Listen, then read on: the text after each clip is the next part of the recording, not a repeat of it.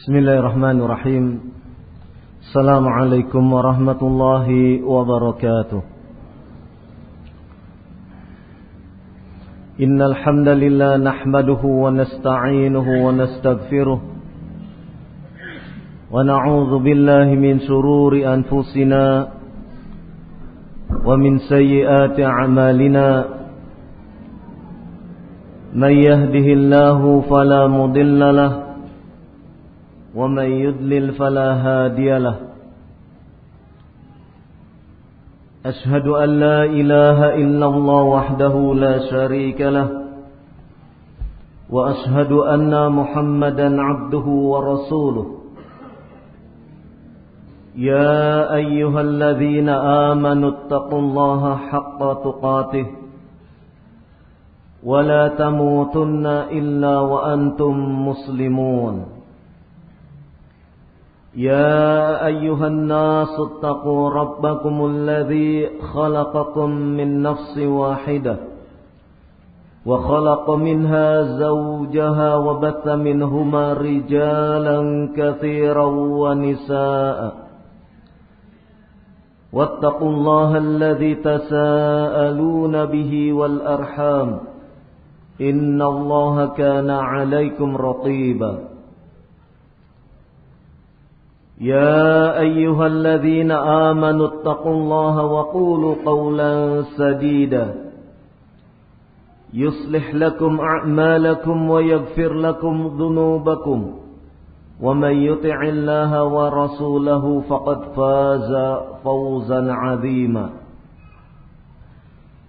أما بعد فإن أصدق الحديث كتاب الله وخير الهدي هدي محمد صلى الله عليه وعلى آله وسلم وشار الأمور محدثاتها فإن كل محدثة بدعة وكل بدعة ضلالة وكل ضلالة في النار Beberapa hari ke depan kita akan menghadapi momentum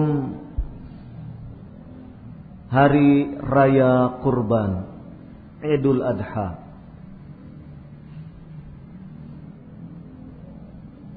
Salah satu dari hari raya yang telah ditetapkan oleh Rasulullah sallallahu alaihi wa ala alihi wasallam di mana segenap kaum muslimin merayakan hari raya tersebut dengan penuh sukacita. Bahkan disebutkan dalam hadis yang sahih merupakan hari-hari makan, hari-hari minum dan hari-hari berzikir. Itulah Idul Adha beserta hari-hari tasyrik yang menyertainya.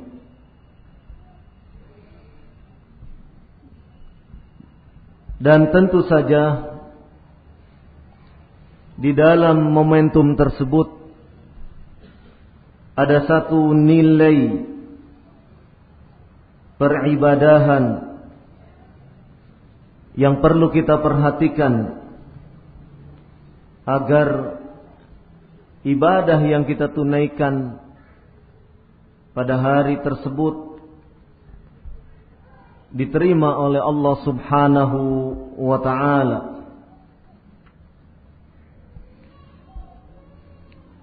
Para ulama membahas dalam kitab-kitab fikih bahwasannya ketentuan tentang penyembelihan tersebut telah diatur di dalam babul adahi. Bab yang membahas tentang penyembelihan hewan kurban. Karena sesungguhnya terkait dengan masalah penyembelihan dijelaskan oleh Syekh Saleh Al-Fauzan hafizahullah taala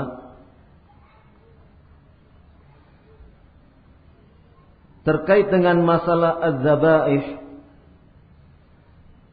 terbagi kepada dua. Al-qismul awal bagian yang pertama yaitu madzubiha li ajlil lahm. Sembelihan yang memang dengan sengaja di, untuk diambil dagingnya. Penyembelihan yang demikian dijelaskan oleh para ulama terkait dengan dua keadaan. Penyembelihan dilakukan kepada binatang ahliyah yaitu binatang jinak. Adapun yang sifatnya liar, wahsyah, maka para ulama membahasnya di dalam kitab Usaid yaitu berburu. Nah, dalam kaitannya dengan masalah penyembelihan ini, macam yang pertama tadi, binatang jinak itu disembelih, binatang jinak dalam hal ini seperti kambing, unta, sapi, ya. disembelih dengan alasan untuk diambil dagingnya. Tetapi yang terkait dengan udhiyah ataupun kurban masuk dalam kategori macam yang kedua al-qismu tsani yaitu ma yudbahu taqarruban ila Allah subhanahu wa ta'ala bahwasanya binatang yang kita sembelih tersebut dalam rangka untuk mendekatkan diri kepada Allah Subhanahu wa taala. Inilah hakikat daripada kurban. Binatang ternak yang kita sembelih baik itu unta ataupun sapi ataupun kambing ya, maka hakikatnya adalah sebagai wujud amalan kita untuk taqarruban ilallahi subhanahu wa ta'ala. Dalam rangka untuk mendekatkan diri kita kepada Allah subhanahu wa ta'ala. Selain ibadah kurban udhiyah penyembelihan binatang ini pun bisa dalam bentuk yang lain yaitu binatang tersebut disembelih dalam kerangka untuk mendekatkan diri kepada Allah Subhanahu wa taala. Selain udhiyah, kurban, juga ada bentuk penyembelihan lainnya. Seperti penyembelihan dalam hal terkait dengan al-hadyu. Binatang ternak, binatang yang disembelih yang dilakukan oleh orang-orang yang tengah berhaji. Ya. Orang-orang yang berhaji, ia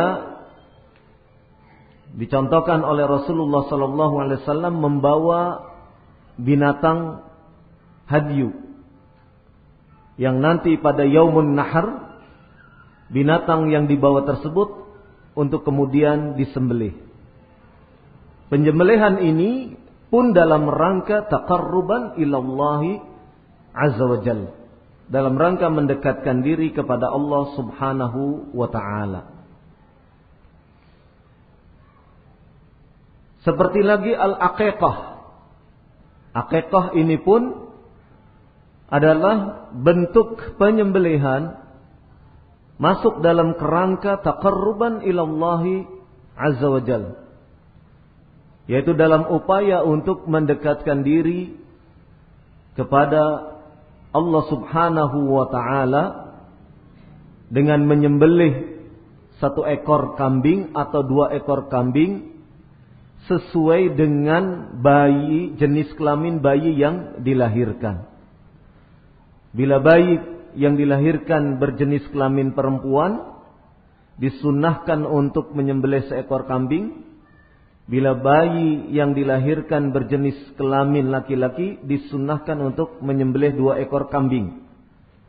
Penyembelihan ini pun adalah dalam kerangka taqarruban ilallah. Maka az-zabhu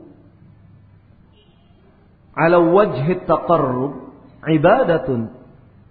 Penyembelihan dalam kerangka mendekatkan diri kepada Allah Subhanahu wa taala ini ini merupakan satu bentuk ibadah satu bentuk ibadah. Dan seseorang tidak boleh dia menyembelih li ghairillah melakukan bentuk penyembelihan kepada atau ditujukan kepada selain Allah Subhanahu wa taala. Apa itu bentuknya? Seperti sebagian masyarakat yang berada di lereng Gunung Merapi yang menyembelih seekor binatang ternak kemudian sebagian dari penyembelihan binatang ternak itu ia letakkan di sebuah tampan nampan Ya. Untuk kemudian disertai dengan jenis-jenis makanan lain, dibuatlah sesaji. Ya. Entah itu potongan dari tubuh hewan seperti kepalanya ditaruh di atas tampan tersebut, ya, di atas nampan tersebut, kemudian dijadikan sebagai sesaji dan sesaji itu ditaruh diletakkan di tempat tertentu. Tujuannya apa? Tujuannya dalam rangka untuk yang bau rekso. Ya.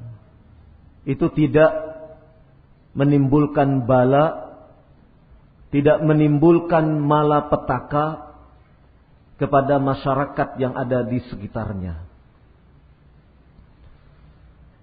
Ini adalah bentuk-bentuk penyembelihan Salah satu contoh bentuk penyembelihan yang ditujukan kepada selain Allah Subhanahu wa taala. Yang demikian ini ya, merupakan satu salah satu daripada bentuk syirkiat karena penyembelihan itu ditujukan kepada selain Allah Subhanahu wa taala. Allah Subhanahu wa taala berfirman di dalam surat Al-An'am di dalam ayat ini Allah secara tegas menyebutkan tentang masalah penyembelihan. Dalam surat Al-An'am ayat 162 163 Allah Subhanahu wa taala berfirman, "Qul inna salati wa nusuki wa mahyaya wa mamati lillahi rabbil alamin, la syarika lah." Wa bidzalika umirtu wa ana awwalul muslimin. Perhatikanlah firman Allah Subhanahu wa taala ini. Qul inna solati. Katakanlah sesungguhnya solatku. Wa nusuki. Kata an-nusuk. Di dalam ayat ini. Di dalam Al-Quran terjemahan Kementerian Agama. An-nusuk diartikan sebagai ibadah. Menurut Asy-Syaikh Al-Fauzan hafizahullah taala, dan para ulama mufassirin lainnya kata wan ibadahku. Yang dimaksud ibadah di sini an-nusuk huwa az-zabihah. An-nusuk huwa az-zabihatu. Yang dimaksud dengan an-nusuk di sini adalah penyembelihan. Penyembelihan hewan Wa mahyaya wa mamati dan hidupku serta matiku lillahi rabbil alamin. Hanya bagi Allah Rabb semesta alam. La syarikalah tidak ada sekutu bagi Allah subhanahu wa ta'ala. Wa bidzalika umirtu yang demikian ini telah aku perintahkan wa ana awwalul muslimin dan aku adalah orang yang pertama berserah diri dari firman Allah Subhanahu wa taala ini menunjukkan tentang perintah melakukan penyembelihan itu semata-mata ditujukan hanya kepada Allah Subhanahu wa taala.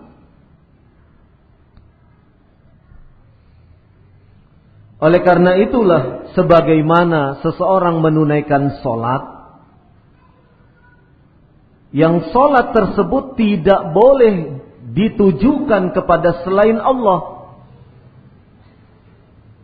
Maka di dalam ayat ini pun disandingkan kata an-nusuk sebagai bentuk bahwasannya ibadah dalam bentuk an-nusuk yaitu az-zabihah penyembelihan ini tidak boleh pula ditujukan kepada selain Allah Subhanahu wa taala. Kalau pada awal ayat ini disebutkan qul inna salati katakanlah sesungguhnya salatku. Salatku di sini apa? Untuk lillahi rabbil alamin dalam rangka untuk Allah Subhanahu wa taala. Maka kemudian disambungkan dengan kalimat berikutnya wanusuki ibadahku yang dimaksud ibadah di sini adalah penyembelihanku. Maka penyembelihan di sini pun adalah lillahi rabbil alamin. Penyembelihan ini pun ditujukan hanya untuk Allah Rabb semesta alam.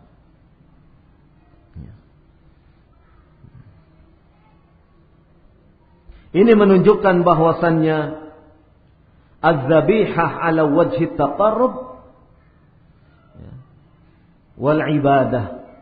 Bahwasannya penyembelihan ini kerangkanya adalah dalam upaya untuk mendekatkan diri kepada Allah Subhanahu wa taala dan dalam rangka ibadah karena prosesnya merupakan satu bentuk ibadah la yakuna illa lillahi subhanahu wa ta'ala. Maka tidak boleh kemudian ibadah ini ditujukan kepada selain Allah subhanahu wa ta'ala.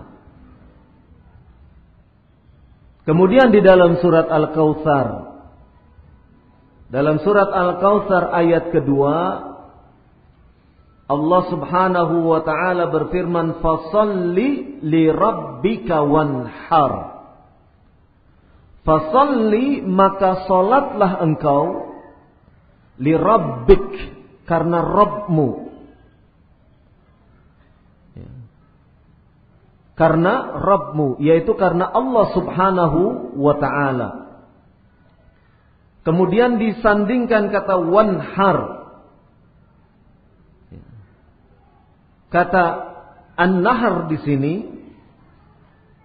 yaitu merupakan satu bentuk penyembelihan, satu bentuk ibadah penyembelihan menunjukkan bahwasannya baik ibadah an-nahr ibadah yang dilakukan pada yaumun nahar ya, pada hari Idul Adha ataupun pada hari-hari tasrik berikutnya ya. Begitu juga solat menunjukkan bahwasanya ibadah-ibadah tersebut harus ditujukan hanya untuk Allah Subhanahu wa taala.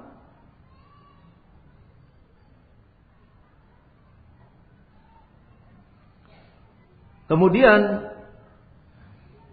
di dalam hadis Nabi sallallahu alaihi wa ala alihi wasallam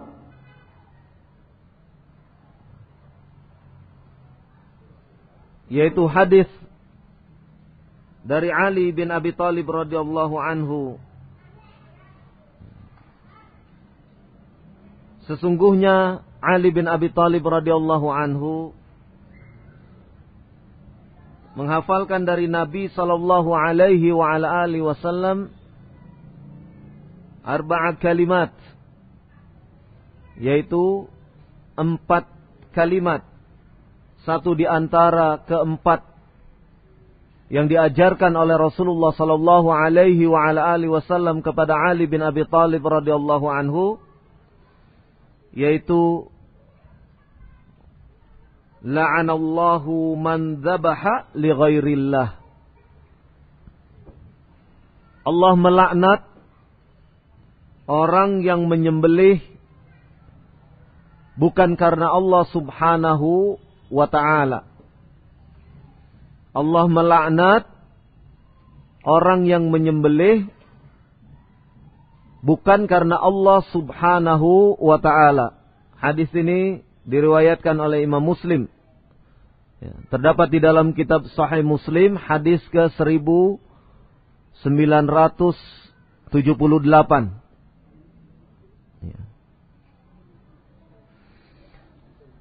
Kata-kata la'an melaknat maksudnya adalah al-ib'ad min rahmatillah. La'nat maknanya adalah al-ib'ad min rahmatillah. Ya. Yaitu ketika seseorang dijauhkan dari rahmat Allah Subhanahu wa taala. Dan orang yang menyembelih bukan ditujukan kepada Allah Subhanahu wa taala maka ia melakukan satu perbuatan terlaknat, satu perbuatan terkutuk, satu perbuatan yang menjauhkan dirinya dari rahmat Allah Subhanahu wa taala. Inilah makna daripada la'an yaitu laknat. Di dalam hadis Nabi sallallahu alaihi wasallam ini menunjukkan sikap yang tegas bahwasannya penyembelihan itu seseorang menyembelih hewan kurban ataupun menyembelih yang lainnya adalah dalam upaya untuk mendekatkan diri kepada Allah Subhanahu wa taala seperti al-hajju, aqiqah dan yang lain. Ini bentuk bentuk penyembelihan yang terkait dengan masalah hewan kurban. Kemudian dikatakan al-adahi jam'un udhiyah. Jamak daripada udhiyah bidammil hamzah. Dengan mendomah huruf hamzah. Ud udhiyah. Wa yajuz kasriha. Boleh juga dengan mengkasrah huruf hamzahnya yaitu dengan menyebutkan idhiyah atau boleh juga menyebutkan dohiyah jadi udhiyah, idhiyah, dohiyah sama. Yaitu satu bentuk penyembelihan fi yaumin nahri pada hari nahar wa ayyam tasyriq pada hari-hari tasrik. Yaumin nahr adalah pada tanggal 10 Zulhijjah. pada saat Idul Adha atau pada ayam tasyrik hari-hari tasrik tanggal 11, 12, 13 Zulhijjah. Maka seseorang yang melakukan penyembelihan pada waktu-waktu tersebut kemudian ia niatkan dalam rangka untuk mendekatkan diri kepada Allah Subhanahu wa taala mengikhlaskan niat karena Allah Subhanahu wa taala dengan disertai ittiba' mengikuti tuntunan Nabi sallallahu alaihi wa ala alihi wasallam maka apa yang ia perbuat pada saat itu merupakan satu bentuk takarruban ilallah. Upaya untuk mendekatkan diri kepada Allah subhanahu wa ta'ala. Kemudian, pelajaran lain yang bisa kita petik dari prosesi penyembelihan ini, bahwasannya penyembelihan ini merupakan bentuk meneladani apa yang telah dilakukan oleh Khalilullah Ibrahim alaihissalatu wassalam. Dan meneladani apa yang sudah dilakukan pula oleh Khalilullah kekasih Allah Muhammad sallallahu alaihi wa ala alihi wasallam dalam rangka untuk ittiba kepada Rasulullah sallallahu alaihi wa ala alihi wasallam. Meskipun jumhur ulama menyebutkan hukum daripada berkurban hanya sunnah muakkadah. Namun tidak lantas kemudian seorang muslim menyepelekan hal yang demikian. Seorang muslim hendaknya menyambut dengan penuh sukacita. Menyambut dengan senang untuk bisa menunaikan amalan yang mulia ini. Amalan berkurban. Sehingga ia berupaya agar bisa berkurban walau dengan seekor kambing. Atau ia bisa berkurban seekor sapi beserta tujuh rekan e, beserta rekan-rekan yang lain berjumlah tujuh orang. Dalam upaya untuk meneladani Rasulullah sallallahu alaihi wasallam dan sebagaimana kita ketahui banyak sekali keutamaan orang-orang yang ittiba mengikuti apa yang telah dituntunkan oleh Nabi sallallahu alaihi wa ala alihi wasallam. Di antara keutamaan seseorang berittiba mengikuti tuntunan Rasulullah sallallahu alaihi wasallam sebagaimana disebutkan di dalam ayat Qul in kuntum tuhibbunallah fattabi'uni yuhibbukumullah wa yaghfir lakum dzunubakum wallahu ghafurur rahim. Katakanlah jika engkau mencintai Allah fattabi'uni maka ikutilah aku. Yang dimaksud mengikuti di sini adalah ikuti Rasulullah sallallahu alaihi wa ala alihi wasallam. Kita diperintah untuk berittiba. Untuk mengikuti tuntunan bimbingan Rasulullah sallallahu alaihi wa ala alihi wasallam. Bagi orang yang mengikuti bimbingan tuntunan Nabi sallallahu alaihi wa ala alihi wasallam ia akan mendapatkan keutamaan. Apa keutamaannya? Disebutkan di dalam ayat ini yuhibbukumullah. Allah akan mencintai kalian. Allah akan mencintai orang yang mengikuti bimbingan tuntunan Nabi sallallahu alaihi wa ala alihi wasallam. Itu yang pertama. Yang kedua, keutamaan yang akan ia raih yaitu sebagaimana disebutkan di dalam ayat ini wa yaghfir lakum dzunubakum ia akan mendapatkan ampunan. Allah akan memberikan ampunan kepada kalian. Para ulama menyebutkan yaitu dalam bentuk terampuninya dosa-dosa kecil. Karena dosa-dosa yang paling besar al-kabair harus melalui prosesi pertaubatan. Maka seseorang yang menunaikan sunnah Nabi Sallallahu Alaihi Wasallam meniatkan dalam hatinya untuk ittiba mengikuti tuntunan Rasulullah Sallallahu Alaihi Wasallam meneladani beliau Sallallahu Alaihi Wasallam maka ia akan mendapatkan keutamaan dalam bentuk diampuninya dosa-dosa yang ada pada dirinya.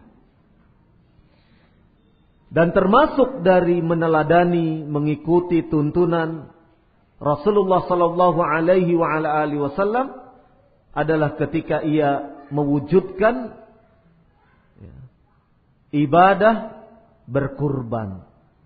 Mewujudkan amalan ibadah berkurban. Dan karena bentuknya adalah meneladani Nabi sallallahu alaihi wasallam, kita melihat meneladani dalam hal apa saja tidak semata-mata sekadar kemudian mengambil hewan kurban asal saja tetapi ia berupaya untuk memilih hewan kurban itu yang terbaik ya. memilih hewan kurban yang terbaik sebagaimana Rasulullah sallallahu alaihi wasallam hewan kurbannya yang terbaik ya, gemuk warnanya bagus, ya. Ya. kemudian bersumsum, ya. Ya. ini menunjukkan bahwasannya seseorang yang ketika ia berupaya untuk mewujudkan apa yang telah diperbuat oleh Rasulullah Sallallahu Alaihi Wasallam, ia pun berupaya untuk sebaik-baiknya. Ia pun memilih hewan kurban yang terbaik dari yang ia mampu untuk menunaikannya. Dan ia pun berusaha untuk meninggalkan apa yang dicegah oleh Nabi Shallallahu Alaihi Wasallam ketika memilih hewan kurban itu. Tidak lantas yang picek satu matanya, misal. Tidak lantas memilih hewan kurban yang kering sumsumnya, kurus. Ya. Tidak lantas memilih hewan kurban yang pincang kakinya, tidak lantas memilih hewan kurban ya, yang berpenyakit, memang benar-benar sakit. Ya. Ini hal-hal yang dihindari. Kenapa demikian? Karena dia ingin takarrub ilallah. Dia ingin dengan amalan penyembelihan ini, dia ingin mendekatkan diri kepada Allah subhanahu wa ta'ala. Ya. Nah, ibadah yang ia lakukan adalah merupakan ibadah yang ingin ia tunaikan sesempurna mungkin sesuai dengan apa yang telah dituntunkan oleh Rasulullah sallallahu alaihi wa ala alihi wasallam. Itulah hakikat daripada seseorang ketika ia beribadah dalam bentuk amalan berkurban. Ya. Pilih sapi, sapinya yang bagus. Ya. Kalau sapi metal, metal yang gemuk. Limosin, limosin yang ya. Kalau mampu bila perlu yang di atas satu ton. Ya. ya. Kalau mampu. Ini menunjukkan ya, seberapa jauh keinginan kita untuk memberikan yang terbaik di dalam peribadahan ini. Ya. Di dalam peribadahan ini. Ya. Jadi ya. Ya.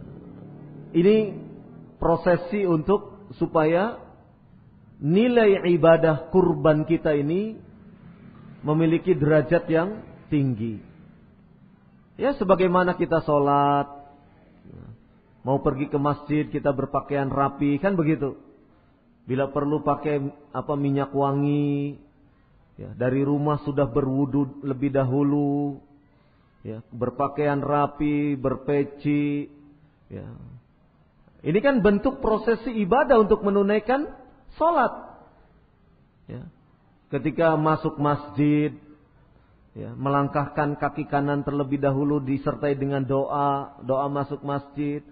Ya, setiba di masjid tidak langsung duduk, tapi kemudian sholat dua rakaat dulu. Ini proses untuk bisa menghadirkan sholat fardu secara berjamaah itu benar-benar nilainya lebih tinggi. Ini prosesi, sebuah proses. Ya. Imamnya belum hadir, dia duduk, berzikir, berdoa, bertobat, beristighfar. Ya. Proses ini ketika kita hendak menunaikan sholat. Demikian juga ketika kita hendak menunaikan kurban, pilih kambingnya. Ya. Sudah dipilih kambingnya yang paling bagus. Harganya juga Masya Allah. Kita mampu untuk membeli dengan harga yang terbaik. Ya. Tapi kita sabar. Jangan sebelum tiba waktunya sudah disembelih duluan. Nah, itu pun tidak boleh. Tunggu waktunya setelah sholat. Ya, setelah sholat selesai. Ya, prosesi sholat khutbah idul adha selesai. Baru kemudian disembeli. Ini namanya ketentuan-ketentuan. Wah, tidak bisa pada tanggal 10-nya. Ya, tanggal 11-nya boleh. Tanggal 12-nya boleh. Tanggal 13 Zulhijjahnya juga boleh. Sampai guru syams sampai matahari tenggelam itu batas akhir dari ayamut tasyrik. Hari-hari tasyrik. Ini merupakan prosesi. Ya. Rangkaian dari ibadah berkurban yang kita tunaikan. Ya. Kemudian ya, menyembelihnya pun syukur-syukur kita menyembelih sendiri itu afdol Para ulama menyebutkan afdol, kita menyembelih sendiri. Ya. Atau boleh juga kalau kita memang aduh kita ada keperluan yang lain, uzur. Ya, maka boleh diwakilkan untuk prosesi penyembelihan tersebut. Menyembelihnya pun sebagaimana dituntunkan oleh Nabi Shallallahu Alaihi Wasallam kalau kambing pegang lehernya kemudian diinjak Kaki Nabi Shallallahu Alaihi Wasallam menginjak bagian atas daripada leher itu. Kemudian disembelih dengan alat yang tajam. Jangan alat yang masih tumpul. Ya. Bila perlu sekali tebas, sudah kemudian ya, memenuhi persyaratan penyembelihan. Ya. Nah, ini prosesi daripada kurban itu. Ya. Dengan mengucapkan bismillahi, ucapan bismillah adalah wajib. Kemudian disertai dengan bismillahi Allahu Akbar. Kalimat Allahu Akbar hukumnya sunnah. Sebagaimana dijelaskan oleh Syekh Soleh Al-Fauzan Hafidahullah Ta'ala. Kemudian setelah itu dagingnya pun dibagikan untuk fakir miskin. Sebagaimana hadis dari Ali bin Abi Thalib radhiyallahu anhu yang menyatakan amaroni an-nabiy sallallahu alaihi wasallam an aquma ala budni.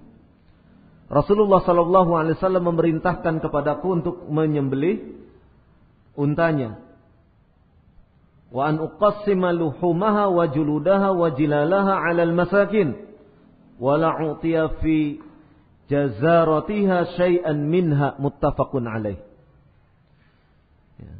Nabi Wasallam memerintahkan kepada Ali bin Abi Thalib radhiyallahu anhu untuk menyembelih untanya.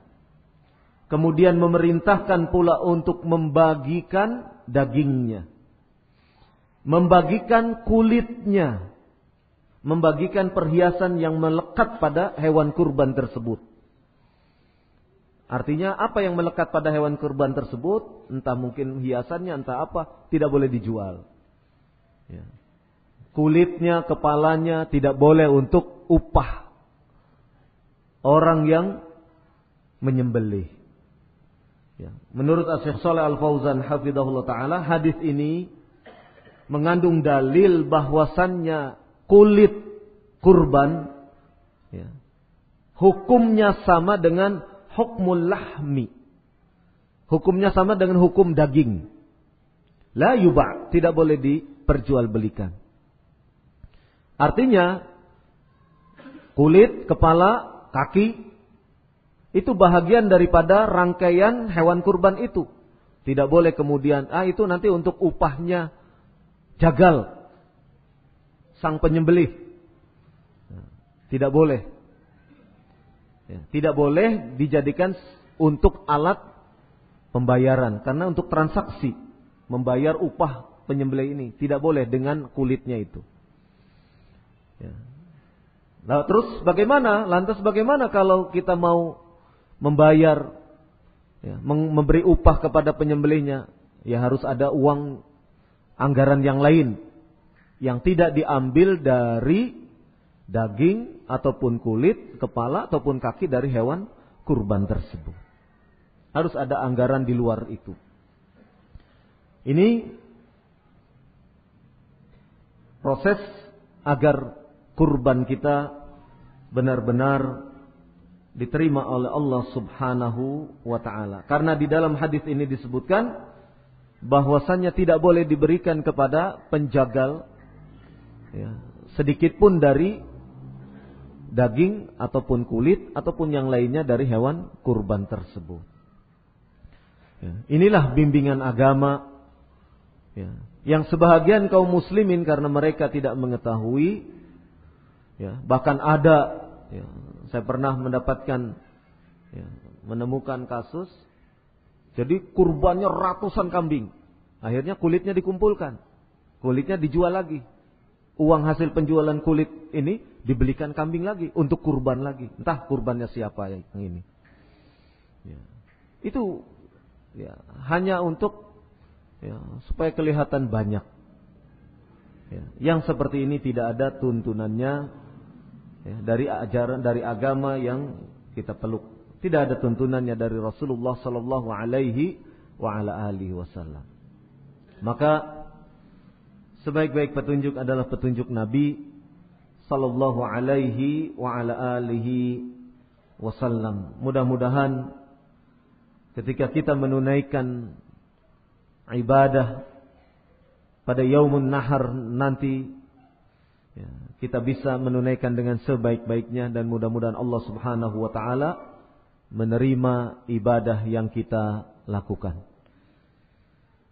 Subhanakallahumma wa bihamdik asyhadu an la ilaha illa anta astaghfiruka wa atubu ilaik wa sallallahu ala nabiyyina Muhammad walhamdulillahi rabbil alamin. Assalamualaikum warahmatullahi wabarakatuh.